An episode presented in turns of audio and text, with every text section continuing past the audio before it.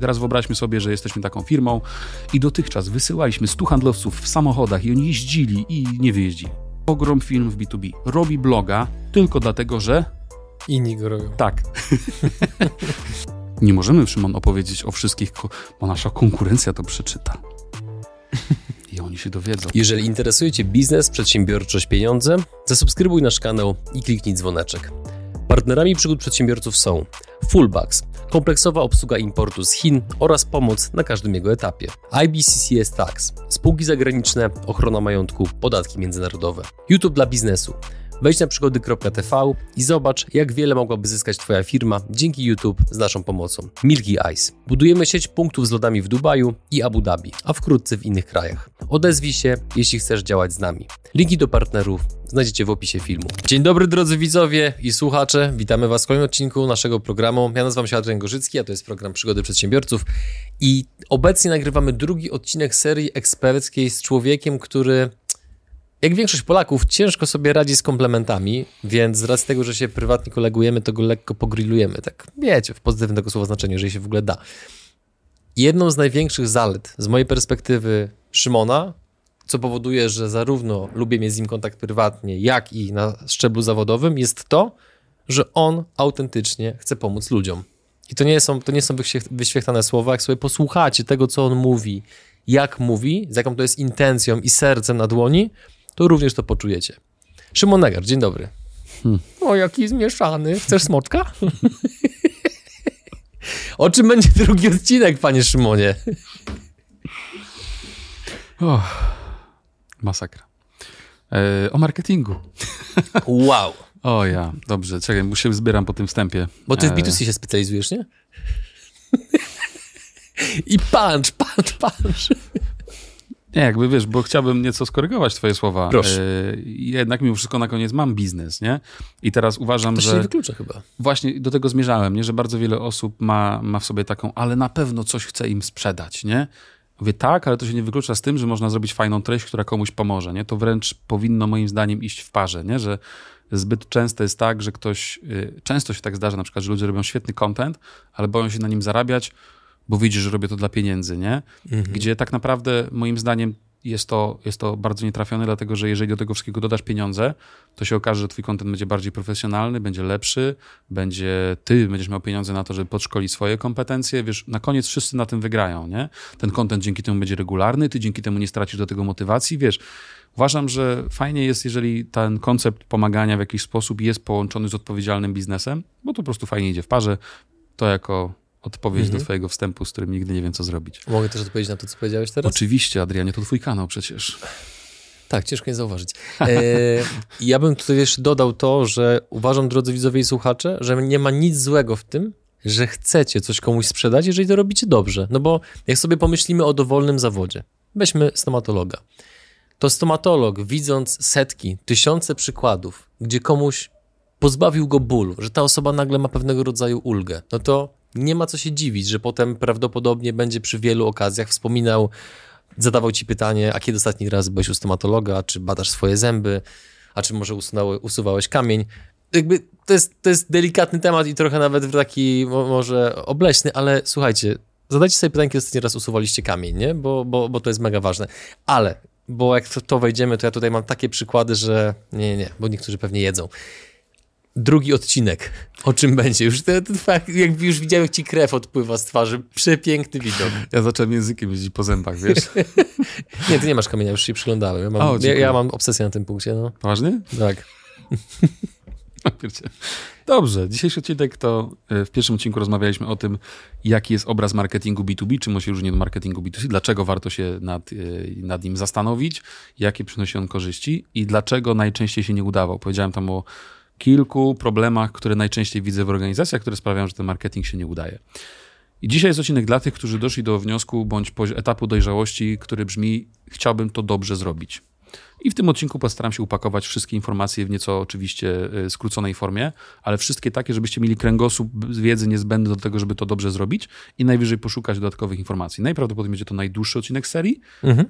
i najprawdopodobniej y, będzie on też najbardziej skomplikowany, więc pauzujcie, odtwarzajcie ponownie, odtwarza, oglądajcie go pięć razy, róbcie co jest wam potrzebne, żeby go wchłonąć. A ja tutaj dopowiem jedną rzecz. Drodzy widzowie, słuchacze, jeżeli nie widzieliście pierwszego odcinka z tej serii, to bardzo was zachęcamy do tego, żeby to zrobić, ponieważ niektórzy z was być może są w takim momencie swojego życia, gdzie trochę się zastanawiacie nad tym, w którym kierunku zawodowo pójść. Być może chcielibyście zmienić karierę, a być może ją w ogóle rozpoczynacie. I w tym pierwszym odcinku Szymon przytoczył szereg różnych liczb, które pozwalają zakładać, że zawód marketera B2B będzie bardzo zyskiwał na znaczeniu w najbliższych latach, a to z kolei będzie stwarzało szereg różnych szans zawodowych, żebyście po prostu wiedli dobre życie i zarabiali bardzo dobre pieniądze. Dlatego zachęcam Was szczególnie, żebyście obejrzeli również odcinek numer jeden. To Ty zachęciłeś specjalistów, ja zachęcam właścicieli, że ty, ci, ci właściciele z Was, którzy e, zastanawiają się, w którą stronę popchnąć Wasz biznes i jak go rozwinąć, to też warto, żeby zaczęli od pierwszego odcinka. Amen. Dobrze, przygotowanie. E, w pierwszym odcinku powiedzieliśmy o przykładzie ze stołami.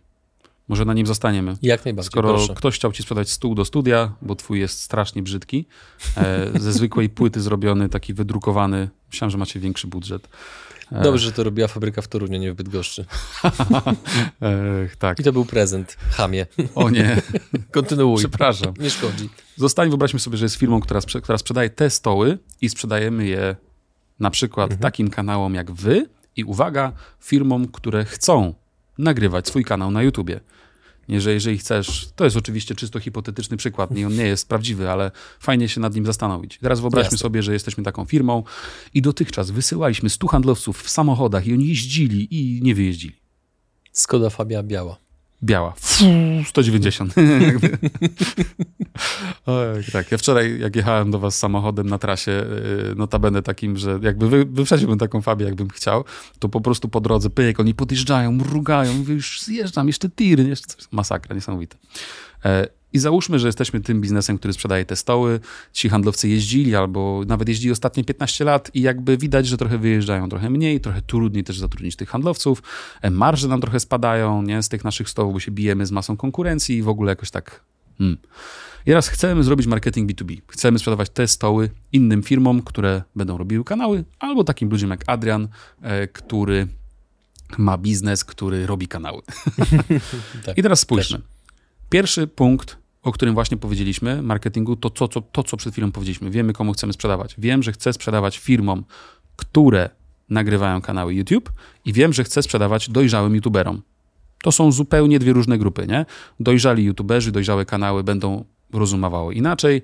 E, firmy firmy biznesowe, które chcą wejść w, w, kanały, w kanały YouTube, też będą mhm. rozumowały nieco inaczej i będą pewnie w innym miejscu. I teraz zwróć uwagę, że mamy pierwszą ważną podstawę w przygotowaniu, żeby w ogóle wiedzieć, do kogo docieramy. Jeżeli w waszej firmie ktoś mówi, że naszą grupą klientów są wszyscy klienci, którzy chcą kupić nasz produkt, Albo naszą grupą klientów są wszyscy klienci, którzy potrzebują takich stołów. to jest tylko wyrzucić się przez okno. Broń Boże, nie wsadzajcie złotówki marketing wtedy, dopóki sobie nie odpowiecie na, nie odpowiecie na to pytanie. Notabene to jest też powód zmarnowania pieniędzy najczęstszy w marketingu B2B, że staraliśmy się zrobić marketing dla wszystkich firm, które potrzebują stołów. I to jest dla mnie jedna w ogóle z takich czerwonych lampek ostrzegawczych, świadczących o tym, że osoba, która wypowiada te słowa, albo nie ma pojęcia o marketingu, mhm. albo nie poświęciła w ogóle czasu na odrobienie pracy domowej, żeby się przygotować do odpowiedzi na pytanie, komu my faktycznie powinniśmy sprzedawać. No właśnie. I teraz mamy dwie podstawy do dwóch buyer person, nie? I załóżmy, że ktoś wybrał je świadomie. Wybrał kanały YouTube takie jak twoje, bo one są w stanie bardzo dużo zapłacić za te stoły, bo je widać non-stop w kadrze, nie? Przychodzą goście, mogą je docenić, nie? Być może one są regulowane, tak jak ja jestem wysokim gościem i ten stół jest dla mnie trochę za niski, nie? I nie masz niestety możliwości podwyższenia tego stołu, nad czym ubolewam, Adrianie. Są elektryczne, ale okej. Okay. No nieważne. E, I jednocześnie nie, też wybrałem mhm. te grupy firm, dlatego że firm teraz będzie masę wchodziło w kanały YouTube. Jest też taki Adrian, który mocno działa, żeby do tego doszło. To jest fajna analogia. Mam dwie grupy klientów. I mhm. teraz uwaga, skoro to są moje dwa segmenty, do których chcę dotrzeć, to teraz drugie pytanie, na które muszę sobie odpowiedzieć. Kto jest moim rozmówcą, decydentem na temat tych moich stołów w jednym i drugim? Kto jest decydentem w takich kanałach jak wasz? Najczęściej właściciel. No więc właśnie, kropka. Idziemy do właściciela, a w dużych firmach? Prawdopodobnie jakiś dyrektor i tak Szef marketingu pewnie, mhm. który odpowiada za ten kanał, który ma to mhm. gdzieś w budżecie i tak dalej. I już mamy pierwszą różnicę. Tam mówimy do szefa marketingu, tu mówimy do właściciela w tej buyer personie, nie? I teraz uwaga.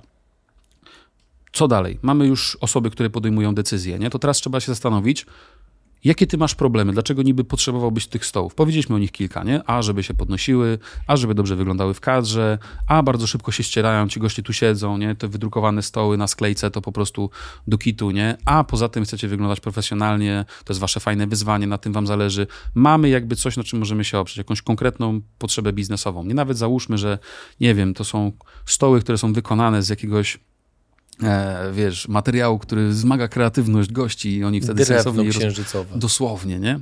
To jest hipotetycznie czysta sytuacja. To teraz ten szef marketingu z kolei będzie miał zupełnie inny problem. On musi udowodnić swojemu prezesowi, że ten kanał YouTube zadziała, nie? bo to jest jego pomysł. I musi pokazać, że ten kanał YouTube przyniesie dobre korzyści firmie, nie? więc tam to jest jego problem.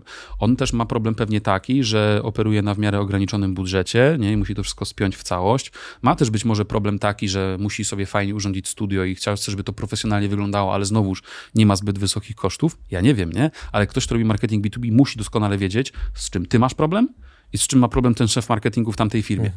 I teraz po co mi to jest? Po to, że ja jako firma mam nie dzwonić do ciebie, Adrianie, i mówić: Panie Adrianie, nasze stoły są wysokiej jakości. Proszę mi wierzyć. E, Bardzo wielu youtuberów od 25 lat z nich korzysta oraz są one piękne. nie?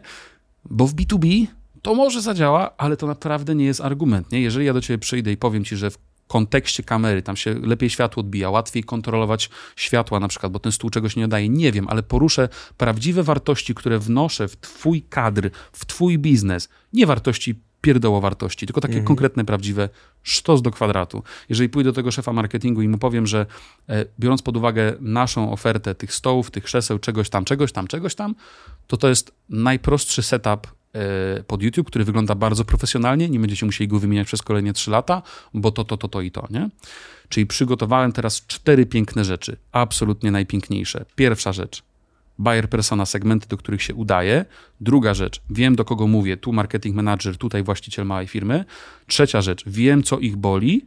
Czwarta rzecz, mam konkretną wartość. Ciach, właśnie zbudowaliśmy e, taką basicową buyer personę i zrobiliśmy to w kilka minut, słuchaj, dla fejkowej firmy, która nie istnieje, nie? I teraz jak my to zrobiliśmy dla fejkowej firmy, która nie istnieje, to wy dla swojej, która istnieje, powinniście to zrobić tym bardziej. I teraz uwaga. Mając już tyle informacji, powinienem z tego zrobić dwie rzeczy. Pierwsze to strategia marki, a drugie to zaraz przejdziemy. I teraz strategia marki to jest bardzo duże pojęcie, którego nie chcę w tym odcinku rozwijać, ale chcę o tym powiedzieć, że wiedząc do kogo docieram, to wiekowo moi odbiorcy, w jakim będą wieku twoim zdaniem, Adrian, w tym przypadku tych stołów? O, jeżeli chodzi o właścicieli, to myślę, że to byłoby między 30 a 45 lat. Mhm. A w kontekście tych marketing menadżerów? Będą raczej młodsi. Trochę młodsi, ale co z zasady to będą raczej młodsi ludzie, nie? Mówimy pewnie między 25 a 35 rokiem życia będzie znaczna większość z nich. YouTube to jest młoda branża, nie? Bardzo.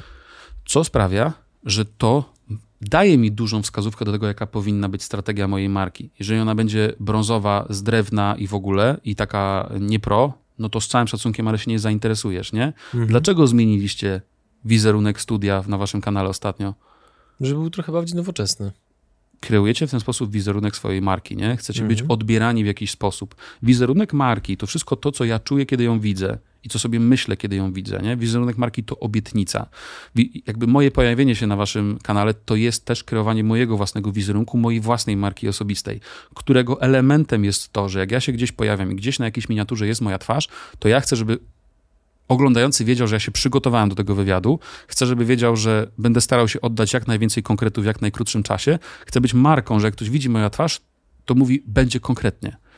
Taki glejt jakości. Glade jakości. Teraz jestem w stanie, wiedząc, że docieram do takich dwóch buyer person, stworzyć założenia tej marki i stworzyć strategię samej marki, jak ona powinna wyglądać, jakie emocje powinna budzić, do kogo powinna docierać i tak dalej, i tak dalej. tak. To jest bardzo ważne, żeby to było spójne z tą grupą docelową, do której docieram. Podam przykład. Patrz, nie, nie zapytałeś, żeby teraz jak Adrian. Y, Podaj przykład, proszę. Sam do siebie. Y, Tak działa, tak działa tresura, dawaj. Co, ja, to jest jak, jak odruch Pawłowa na tym kanale, nie? Tylko się Jak nie coś- ślin. Tak. I przykład podam taki, że mieliśmy klienta, który robił w B2B, sprzedawał y, mesy do obsługi, y, do mierzenia maszyn na produkcji y, i jednocześnie sprzedawał system dla HR-u. Mhm. Nie? I na stronie byli, były zdjęcia facetów na produkcji, tych maszyn, nie? I w ogóle była kolorystyka taka dość surowa, nie? I była zakładka, że też mamy soft dla HR-u. I nie zgadniesz, co się lepiej sprzedawało? Soft dla HR-u? Oczywiście, że no wi wiadomo. Panowie, panowie i produkcja. No nie? No, i jakby, bo tam... Bo tam to, to była taka przybudówka trochę. Ten HR się nawet nie Taka czuł u siebie. Wchodził, to, to, to nie była ta marka, w której oni chcieli kupić. Nie? Jak wydzieliliśmy tą markę, zrobiliśmy nową, ona była w zupełnie innej kolorystyce, była znacznie bardziej w pastelach na przykład narysowana, nie? zupełnie innym językiem mówiła też niż tamta marka produkcyjna. E, okazało się, że nagle magicznym trafem e, HR stwierdził, że w sumie to jest strasznie fajny software. Nie? I, I ta strategia marki, to w jaki sposób ona wygląda, jakie budzi emocje, też na tym etapie jest ważna i bardzo wiele osób ma to, firm ma to zaniedbane, dlatego że strategia marki pochodzi z 1995 roku i ktoś po prostu zrobił taki logotyp i tak już zostało i w sumie to nikt do tego tematu nie wracał. Podczas gdy tak naprawdę dla tych młodych ludzi, młodych kupujących na rynku to jest po prostu szalenie istotne, dlatego że to kreuje efekt aureoli w pewnym wymiarze, czegoś bardzo dużego zestawu emocji, które mam na temat danej marki. Uwaga, u bardzo, bardzo, bardzo, bardzo, bardzo wielu firm stawiam hipotezę, wystarczyłoby zmienić wizerunek na nowoczesny, zrobić pełny rebranding. E, jakby co, nie sprzedaję rebrandingów.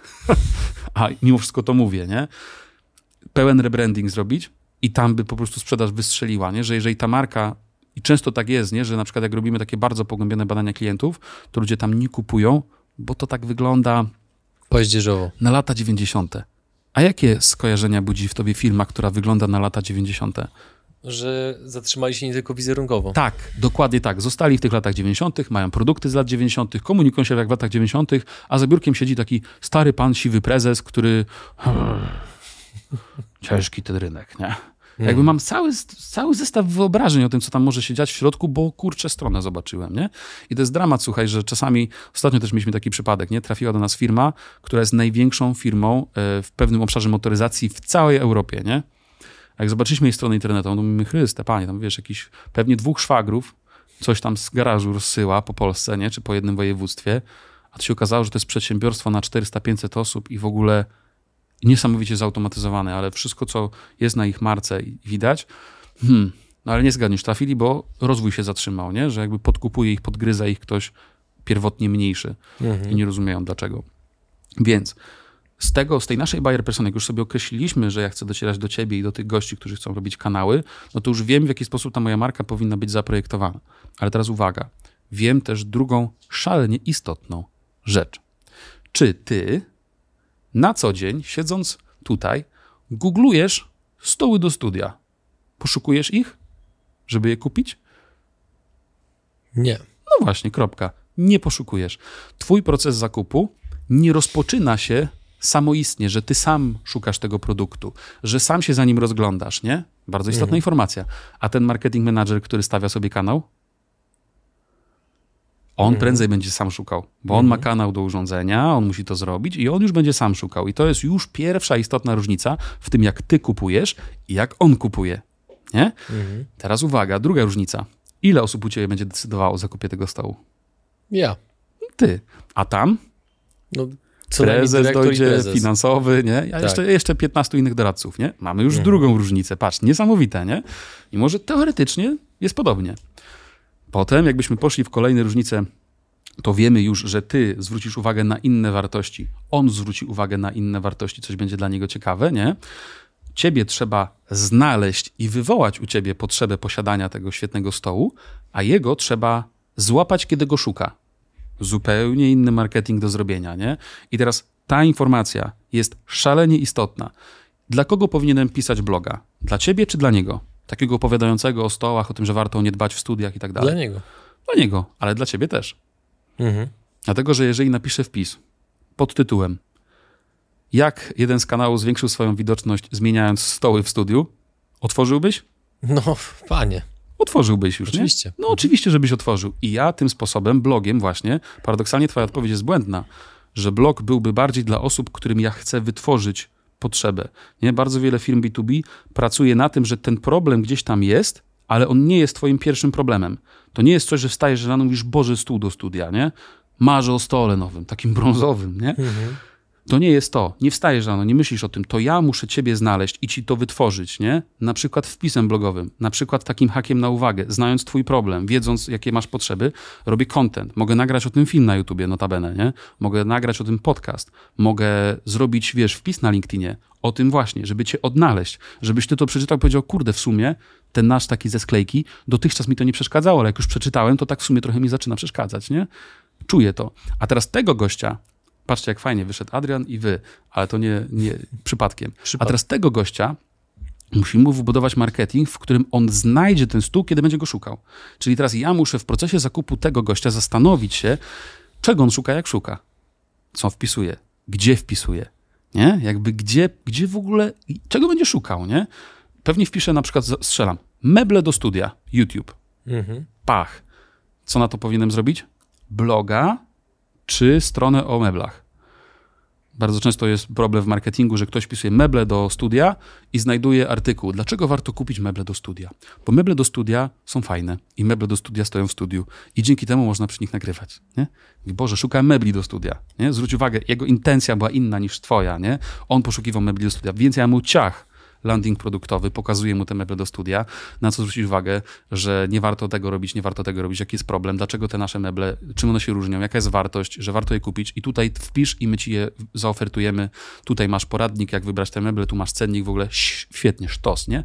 Bo zrozumiałem, jak ty kupujesz, jak on kupuje. I uwaga, ogrom film w B2B robi bloga tylko dlatego, że Inni go robią. Tak.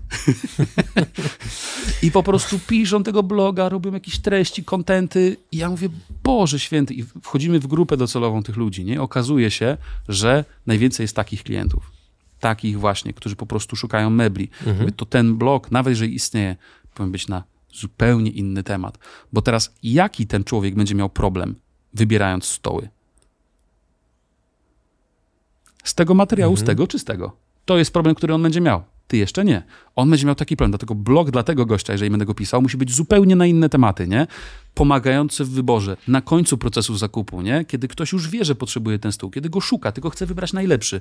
Ten blog wtedy po prostu będzie na inne tematy, nie? Jak wybrać stół, na co zaś uwagę przy wyborze stołu, z czego on powinien być zbudowany. Zwróć uwagę, że buyer persona to wszystko, nie? Wiedza do tego, że docieram do tych dwóch segmentów jest niesamowita i to jest to, czego na przykład w B2C specjaliści mi zrobić nie potrafią, nie? Bo oni jakby operowali na, na procesie zakupu, który zawsze był taki taki sam, trzyetapowy. Yy, świadomość, pierwszy etap. Wiem, że są takie stoły. Rozważanie, hmm, może kupię i zakup. Siadam, tak się kupuje te buty cholerne, mm -hmm. o których rozmawialiśmy w poprzednim odcinku. O, są takie buty. Pozwól, że zadam jedno pytanie, no. żeby chociaż wyrobić średnią dwóch pytań na odcinek, patrząc jak jesteś przygotowany. Jak znaleźć te odpowiedzi na pytania, jakie treści tworzyć, żeby ten marketer czy ten właściciel żeby realnie trafić w ich bolączki. Jak wy to odkrywacie? Bardzo łatwo. Trzeba z nimi gadać. To, to, to jest ta wiedza, którą mają ci handlowcy przecież, nie? Mhm. Jeżeli ci moi handlowcy z tych stołów, tych stu handlowców jeździło po klientach i spotkało 200 Adrianów, to ja tylko muszę ich zapytać, nie? I muszę do tego dotrzeć. To jest pierwsza rzecz. Potem dotrzeć do ludzi, którzy rozmawiali z tamtymi. Potem, jak już mam te, to opracowane wstępnie, to pewnie fajnie zrobić badania jakościowe i napisać do Adrianowi, cześć Adrian, e, jakby byłbym wdzięczny, gdybyś znalazł 10 minut na rozmowę ze mną, jestem w stanie dać to, to, to i to w zamian. To będzie dla mnie cenne, bo jakby chcemy docierać do podobnych kanałów. Stół dostaniesz od nas przez to gratis, dostosujemy go do ciebie, zrobimy go, co o tym sądzisz, nie?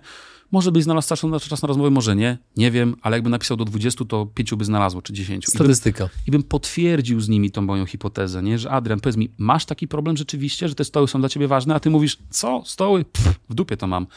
To I daj. Puf, koniec, mhm. nie? Nagle mój pomysł na biznes w sumie upada. Większość biznesów upada dlatego, nie, że mają drogo, czy że mają słabych handlowców, tylko dlatego, że sprzedają nieodpowiedni produkt nieodpowiednim ludziom w nieodpowiednim czasie za nieodpowiednią cenę, nie? Mhm. Twierdząc, że to jest Adrian świetny pomysł, będziesz miał świetny stół, a ty mówisz, ale ja nie chcę żadnego stołu, dajcie mi spokój, nie? mówi, Głupi ci klienci. Jobs mówił, że dajesz klientom nie to, czego oni potrzebują, tylko coś innego. Nie? No ale ty nie jesteś Jobsem, gościu, spokój się, nie? E, I teraz...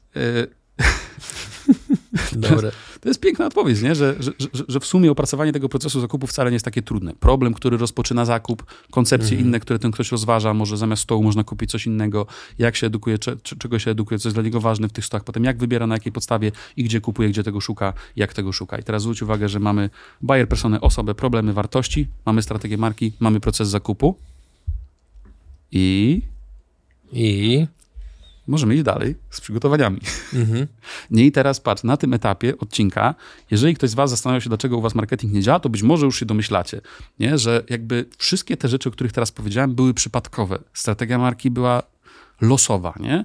E, nikt się nie zastanowił nad procesem zakupu, że właśnie ten gość kupuje inaczej niż ten gość, nie? Do tego gościa trzeba dotrzeć inaczej niż do tego gościa. I nasz marketing, jeżeli chcemy docierać do obu naraz, musi mieć i takie treści, i takie treści, nie? Musi mieć miejsce dla takiego gościa na stronie i dla takiego gościa na stronie, nie? Oh, ale jestem podekscytowany. Idziemy dalej, patrz.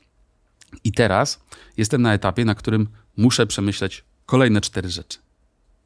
Bo masakra, nie? Wszystko trzeba przemyśleć. Ale przynajmniej dajesz instrukcję krok po kroku, to co trzeba zrobić, więc to jest ogromna pomoc. Staram Dawaj. się o tym mówić prosto. Pierwsza rzecz. Źródło ruchu dla mnie. Gdzie jesteś ty? Gdzie jest on? Gdzie on jest na przykład? Skoro on szukał stołów? No, W Google. w Google, Na tak. przykład jest, nie? Mhm. Wpisuję sobie. W internecie, tak. Tak, Mhm. mogę sobie tam kupić reklamę albo pozycjonowaniem się wbić na wysoką pozycję i go być może znajdę, jeżeli będę wiedział, co wpisuję, albo miał hipotezę, co on wpisuje, Mhm. jak tego szuka. A ciebie gdzie znajdę? Być może na LinkedInie. Być może na LinkedInie, dokładnie tak. Źródłem ruchu może być LinkedIn, mogę tam stargetować osoby, które mają Mhm. kanały, nie? Co jeszcze? Masz jakiś pomysł, jakbym ciebie mógł znaleźć w sieci? Instagram to bez problemu. Na Instagramie bym cię być dość- może znalazł. Mocno. Coraz E, bardziej też na TikToku, wbrew pozorom. I, I być może jednak mimo wszystko w Google, e, ale w takim rozumieniu, że e, nie wiem, czy jakby musiałbym wymyśleć, czego ty szukasz w Google Mhm. na początkowym etapie. Załóżmy, że wymyśliłbym, że Adrian poszukuje, jak mieć rentowny kanał, nie? albo Adrian poszukuje, jak rozwinąć kanał, albo cokolwiek. Nie? Mógłbym też cię złapać w Google, wiedząc, czego ty tam szukasz. Nie? I na przykład, jak, zrobić dobry kanał, bym ci zrobił fajny content i na koniec powiedział, a jeszcze te stoły w sumie. Nie? To warto, jak stół jest zajebisty, to jest mega, nie? Czujesz, nie? Że tak naprawdę ciebie i tego gościa mógłbym znaleźć w bardzo wielu różnych miejscach, nie? Tak. I teraz niestety to jest ten moment, kiedy ja muszę wydać kasę, żeby sprawdzić tę hipotezę. Nie zrobię tego bez pieniędzy. I to smutne jest jednocześnie, ale piękne zarazem. Dlatego, że mogę je wydać. Na przykład wydam y, na kampanię na tym y, Instagramie, o której wspomniałeś, wydam, nie wiem, 10 tysięcy, pozyskam z tego jednego lida, który powie, że za drogo było, to już więcej nie wydam. W sensie wydałem 10 tysięcy na to, żeby się dowiedzieć, że to nie jest źródło dla mnie. I to jest paradoksalnie mega wiedza. To nie jest tak, że wydałem je, bo to było widzi, widzimy się marketera. Wydałem je na bardzo konkretny, e, na bardzo konkretną informację do mojego marketingu. To nie mogło być, to nie musiało być 10 tysięcy, to może mogło być mniej, nie? To być może też zepsułem coś w górze lejka, do tego zaraz wrócimy. E, powodów może być wiele, ale zwróć uwagę, pierwsza rzecz, wiem, gdzie złapać tego gościa, wiem, gdzie złapać tego gościa. A z druga rzecz, o niej już trochę powiedzieliśmy. Dru- góra lejka, nie? Czy cenisz swój czas, Adrianie? Owszem, Bardzo Szymonie. z tego, co zauważyłem. I to na przykład jest fajnie obserwować, jak do ciebie jeżdżę od tych, to jest trz- trzeci rok już, nie? Pamiętam Jak- naszą pierwszą rozmowę, jak siedziałem jak- na balkonie w Jak świeciu. ty się też zmieniasz jako człowiek, nie? W sensie takim, że zupełnie inaczej dysponowałeś swoim czasem wtedy, w 2020 roku i zupełnie inaczej dysponujesz nim dzisiaj, nie? Żebyś Mhm. wydał swój czas, najcenniejszą walutę. Ja, producent tych cholernych stołów, muszę ci dać coś mega, ale to mega wartościowego, nie? Żebyś Mhm. dał mi swoją najcenniejszą walutę, czyli Czas. uważność, Mhm. nawet bardziej niż czas, bo zwróć uwagę, że już nie chodzi, nie chodzi o czas. Mhm. Ludzie mają gdzieś czas, o uważność, nie? Czyli wiesz, masz taki stan czasami, jak jesteś, jesteś na Instagramie i tak, i tak przewijasz. Eee, to, Zdarza się. to nie jest uważność, nie? Tak. Uważność to znaczy, że znalazłeś, czytasz, mówisz, wow, o ja cię kręcę, nie? Mega. To jest uważność. To jest już, patrz, zupełnie inna rzecz, nie? To, że tam, eee, przewinąłem, to nie była uważność, to był sam czas bez wartości, nie? Dostałem twoją uważność i żeby ją dostać, i to jest piękno, patrzcie, ja teraz też dostałem waszą uważność, waszą uważność.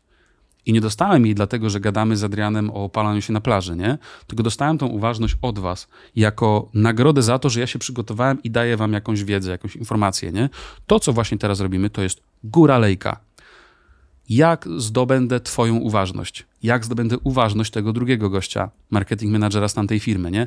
Co muszę mu dać, żeby on mi zapłacił swoją uważnością. Nie? Najprawdopodobniej muszę dać mu coś wartościowego. Być może temu opowiem, jak wybrać ten stół, jak zrobić studio i tak dalej, na co zwracać uwagę. Tobie opowiem, jak robić świetny kanał, nie? Wiesz, znajdę jakieś fajne treści. I teraz uwaga. Druga rzecz, na którą się tam na górze powinienem zastanowić, jeżeli tego gościa łapię z Google'a, no to wiadomo, że coś mu napiszę, nie? Ale tobie już nie muszę pisać. Skoro jesteś na LinkedInie, to ja mogę też dostosować moją formę wypowiedzi do ciebie, nie? Być może wolisz oglądać to w postaci filmu. Być może to nagram właśnie, nie?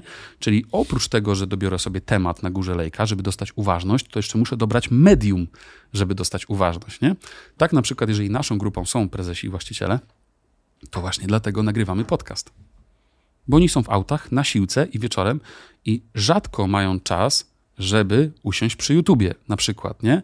To się to nie było aktualne 4 lata temu, też 4 lata temu, w 2018, jak myśmy zaczynali podcast, te reguły gry były inne, dlatego obecnie wchodzimy w YouTube'a, bo ja bardzo mocno wierzę w to, że ten YouTube po prostu będzie się rozwijał w tempie absolutnie niesamowitym, bo też jakby ta grupa odbiorców, która z YouTube'em się wychowała, jest coraz większa najzwyczajniej w świecie, więc to musi nastąpić. No i siłą rzeczy większość branż w ogóle nie jest tam zagospodarowana. Jest mniejsza konkurencja, nie? Czyli tak. oprócz tego, że na górze lejka wybrałem medium, to jeszcze wybrałem taki temat, żeby to zrobić. Teraz skąd to wiem?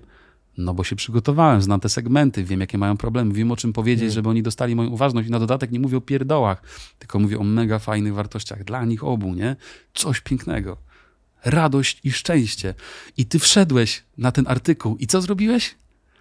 Zacząłem myśleć, że chcę Nie, kupić. i z niego wyszedłeś. Okej. Okay. No taka jest Jakby prawda. Byłeś tak podekscytowany, że myślałem, dobra, no idziemy nie. do happy endu. Nie, no taka jest prawda. Wyszedłeś mm. z niego, tak? Czy był to taki pierwszy punkt styku? Tak. Nie? Tak naprawdę mhm. dostałem pierwszy punkt styku od ciebie, obejrzałeś ten artykuł, poszedłeś i tyle. I większość organizacji też nie udaje im się marketing, bo tak zrobiły. Dojeżdżasz do końca artykułu blogowego, a tam jest, zobacz podobne artykuły. I tyle, nie? Nie ma takim, a jeżeli zastanawiasz się, jak ułożyć swoje studio w firmie, kliknij tutaj. Zadzwonimy do ciebie i pomożemy. Chryste, panie, nie? Dlaczego nikt tego nie robi? Dlaczego tak wiele firm B2B, albo najlepsze na koniec oferty jest, na koniec takiego wpisu jest poproś o ofertę. Jest przycisk, nie? I ja mówię wtedy, Boże święty, wyobraźmy sobie tą sytuację na żywo, nie? Mhm. Siedzi handlowiec z klientem i mówi tak, Adrian, no poproś o ofertę. No weź poproś. cringe, Polacy mają problem z proszeniem. Uwaga, zmieńcie przyciski poproś o ofertę, poproś o wycenę, poproś o coś tam na normalne wyślij zapytanie o, o wycenę na przykład, albo wyślij zapytanie samo, nie? I okazuje się, że będziecie mieli znacznie większą konwersję, nie? Przez po prostu inną semantykę przez inną semantykę, ona jest kluczowa, nie? I teraz wiesz, tak. mam, mam tą górę lejka, nie? I teraz dostałem uważność i masa ludzi nie odpowiedziała sobie na pytanie, co ja mam teraz tą uważnością zrobić, nie? Jak już ją mam, no to może spróbuję w jakiś sposób wyrzucić tego człowieka z lejka do rozmowy. Ale teraz uwaga, jak dam na końcu wpisu blogowego, jeżeli chcesz kupić stół, kliknij tutaj. Mm. A ty mm. mówisz, weź przestań, ja dopiero pierwszy artykuł przeczytałem. Jakieś to silne zobowiązanie. Jakbyś na pierwszej rance mi powiedział, czy wyjdziesz za mnie, nie? To jest naprawdę za wcześnie. Mój proces zakupu trwa pół roku, daj mi spokój, nie chcę kupować. Mm. Ale jak dasz, jeżeli zastanawiasz się, czy takie stoły nam pasowały do twojego studia, pyk, albo bezpłatna wizualizacja, nie? Albo sprawdź, czy będą pasowały, albo jakby dowiedz się, który stół będzie dla ciebie najlepszy, nie? Wszystko, co jakby jest pośrednie do zakupu, a nie samym zakupem. W B2B na przykład, to jest lepsze niż z B2C. Kup teraz. Przecież we wszystkich przyciskach jest kup teraz, bo w B2C to działa. Kup teraz, nie ma czasu, nie? Remarketing ci zrobimy. Kup, kup, kup, kup, kup. A w B2B jest inaczej. Nie? W B2B nie jest tak, że kup teraz, to ja mam przez jeden dzień tego półrocznego procesu zakupu, a przez resztę to mam takie, że się mm, zastanawiam nad różnymi rzeczami, mhm. nie? Mega, mega, mega różnica. Dostałem uważność, zamieniłem ją w coś sensownego, ale druga rzecz, teraz się muszę zastanowić, środek lejka, jak utrzymać twoją uważność. O, masakra, nie? Jak to mam zrobić? Adrian raz przeczytał artykuł, ten gościu raz przeczytał artykuł. I co, I co teraz? Muszę wymyśleć, jak utrzymam waszą uważność. Może mam serię dla youtuberów, która ukazuje się co tydzień. Utrzymam? Mhm. Dużej części utrzymam. Może mam tak, że mam newsletter z wartościowymi informacjami dla youtuberów. Wpiszę adres? Może wpiszę, nie? Może jest tak, że mam jakiś w ogóle kompendium wiedzy, jak zrobić y, kanał YouTube, nie? Ściągnę, podam maila, pyk, utrzymam uważność, bo będę ci wysyłał jakieś informacje co jakiś czas, nie? Być może na przykład nie wiem, zrobię remarketing. Uwaga, remarketing to jest to, co śledzi was w internecie. Jak oglądaliście jakiś produkt, on potem was śledzi. To jest remarketing.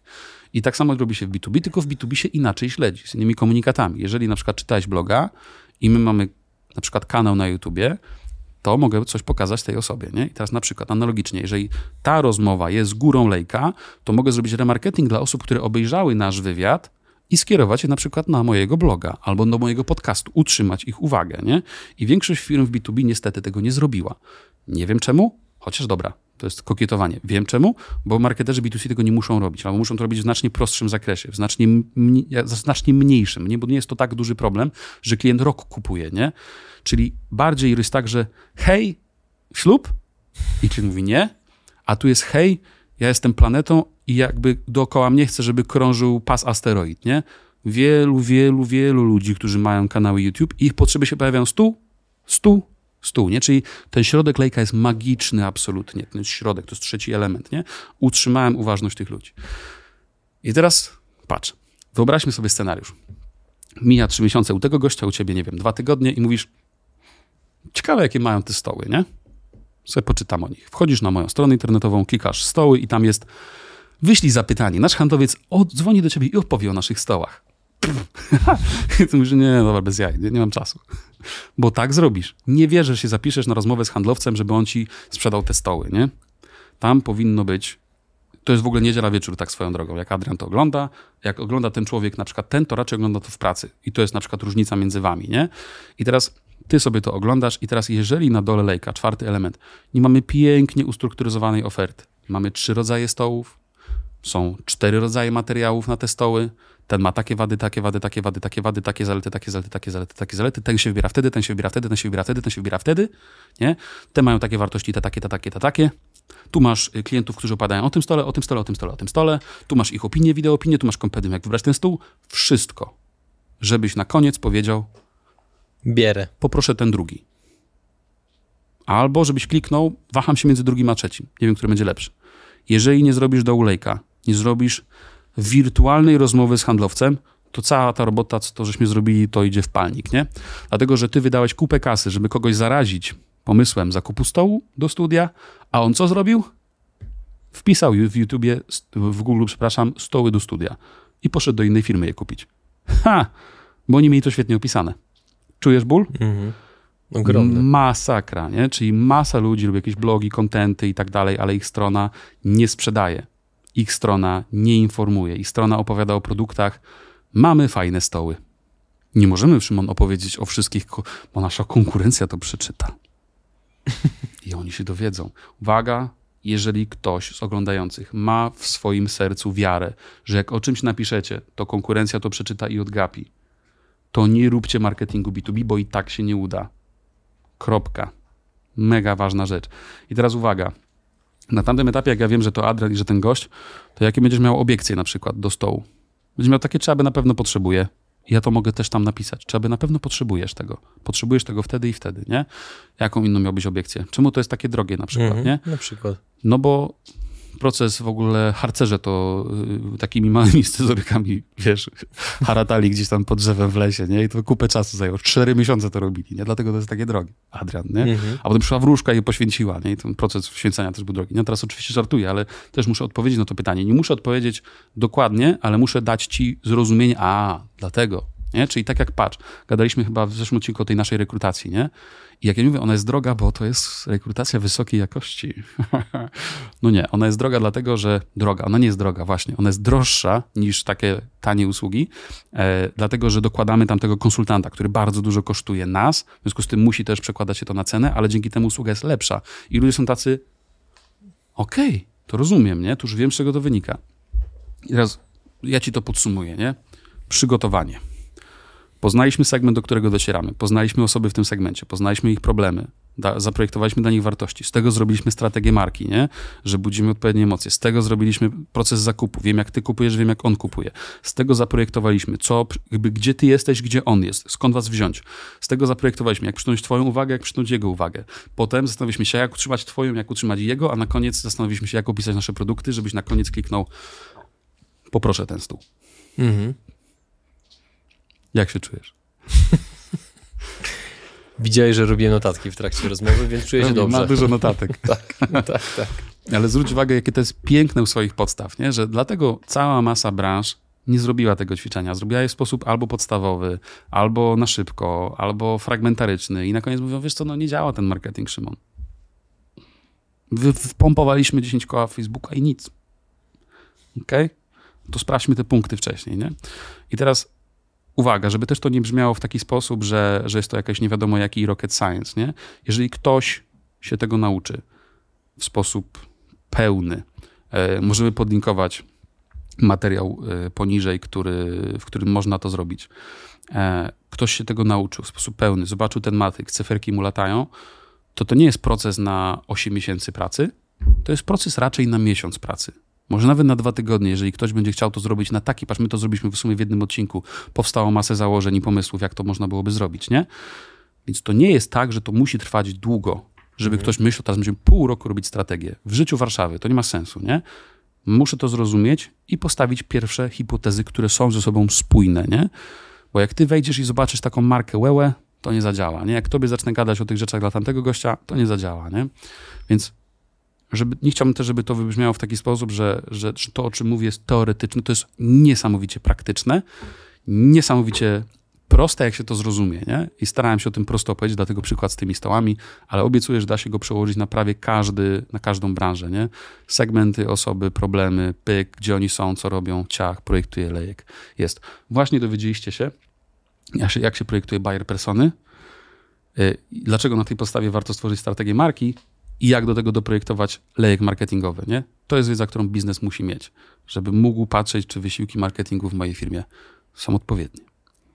Drodzy widzowie, słuchacze, doszliśmy do końca odcinka. Muszę wam się przyznać do czegoś, że nie pamiętam odcinka, w którym się czułem tak bardzo zbędny jak w tym odcinku, a to wynikało po prostu z tego, że Szymon tak bardzo ustrukturyzował wszystko, że w pewnym momencie złapałem się na tym, że jestem e, równie mocno skupiony na tym, co on mówi, jak i na tym, żeby zrobić notatki po prostu z tego, chociaż tak pewnie ten odcinek obejrzę raz jeszcze, jak już tylko go zmontujemy.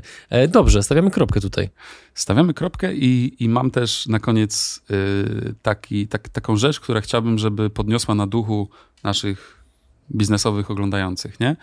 Że jeżeli nawet Gorzycki robił notatki... Ty jesteś menda. Nie, ale chciałbym, chciałbym, żeby to naprawdę wybrzmiało, nie? że bardzo trudno nam, kiedy stawialiśmy biznes mhm. E, doradczy, kiedy stawialiśmy agencję marketingu B2B i tak dalej. Czemu postawiłem agencję marketingu B2B? Bo ci tylko brakowało? Bo nikt w Polsce tego nie robił. I, znaczy robił, ale albo nie miał terminów, albo specjalizował się też w B2C, co miało dużo problemów później przy egzekucji, albo potrzebowałem cztery firmy, które mi to wdrożą osobne. Dramat po prostu. I okazuje się, że wiedzy w internecie na temat marketingu B2B nie ma zbyt wiele, bo to jest branża, która dopiero teraz będzie pięknie rosnąć. Nie? Firmy dotarły do ściany, już ją widzą, już ją poczuły, niektórym dotyka nosa, niektórym już rozbiła twarz. I to jest moment, kiedy szukają rozwiązań. Dlatego marketing B2B teraz jest taki moment, że w sumie należy traktować to jako promkę na rynku.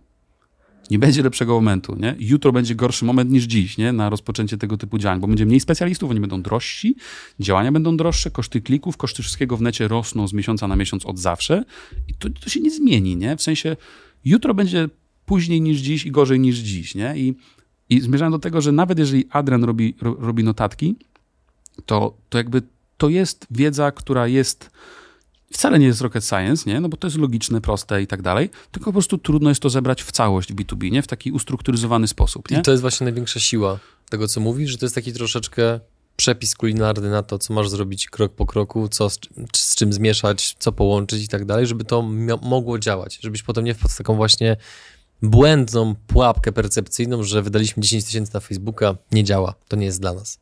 No i właśnie, i teraz w, w trzecim odcinku zajmiemy się tą egzekucją, która moim zdaniem jest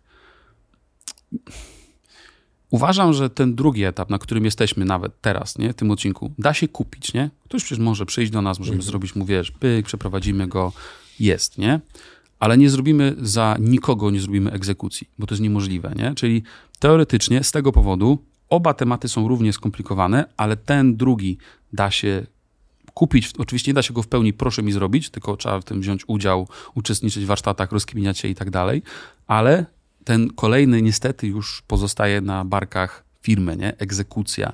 E, wszyscy, którzy kiedyś rozpoczęli odchudzanie, wiedzą, jak duże istotne znaczenie ma egzekucja, a jak niewielkie znaczenie ma sam plan treningowy, nie? E, w związku z tym pogadamy sobie o egzekucji w trzecim materiale, e, jak to dobrze zrobić, żeby to zrobić. Dokładnie, więc drodzy widzowie, słuchacze, my się z wami żegnamy. Do zobaczenia w kolejnym odcinku. Cześć. Dzięki, cześć.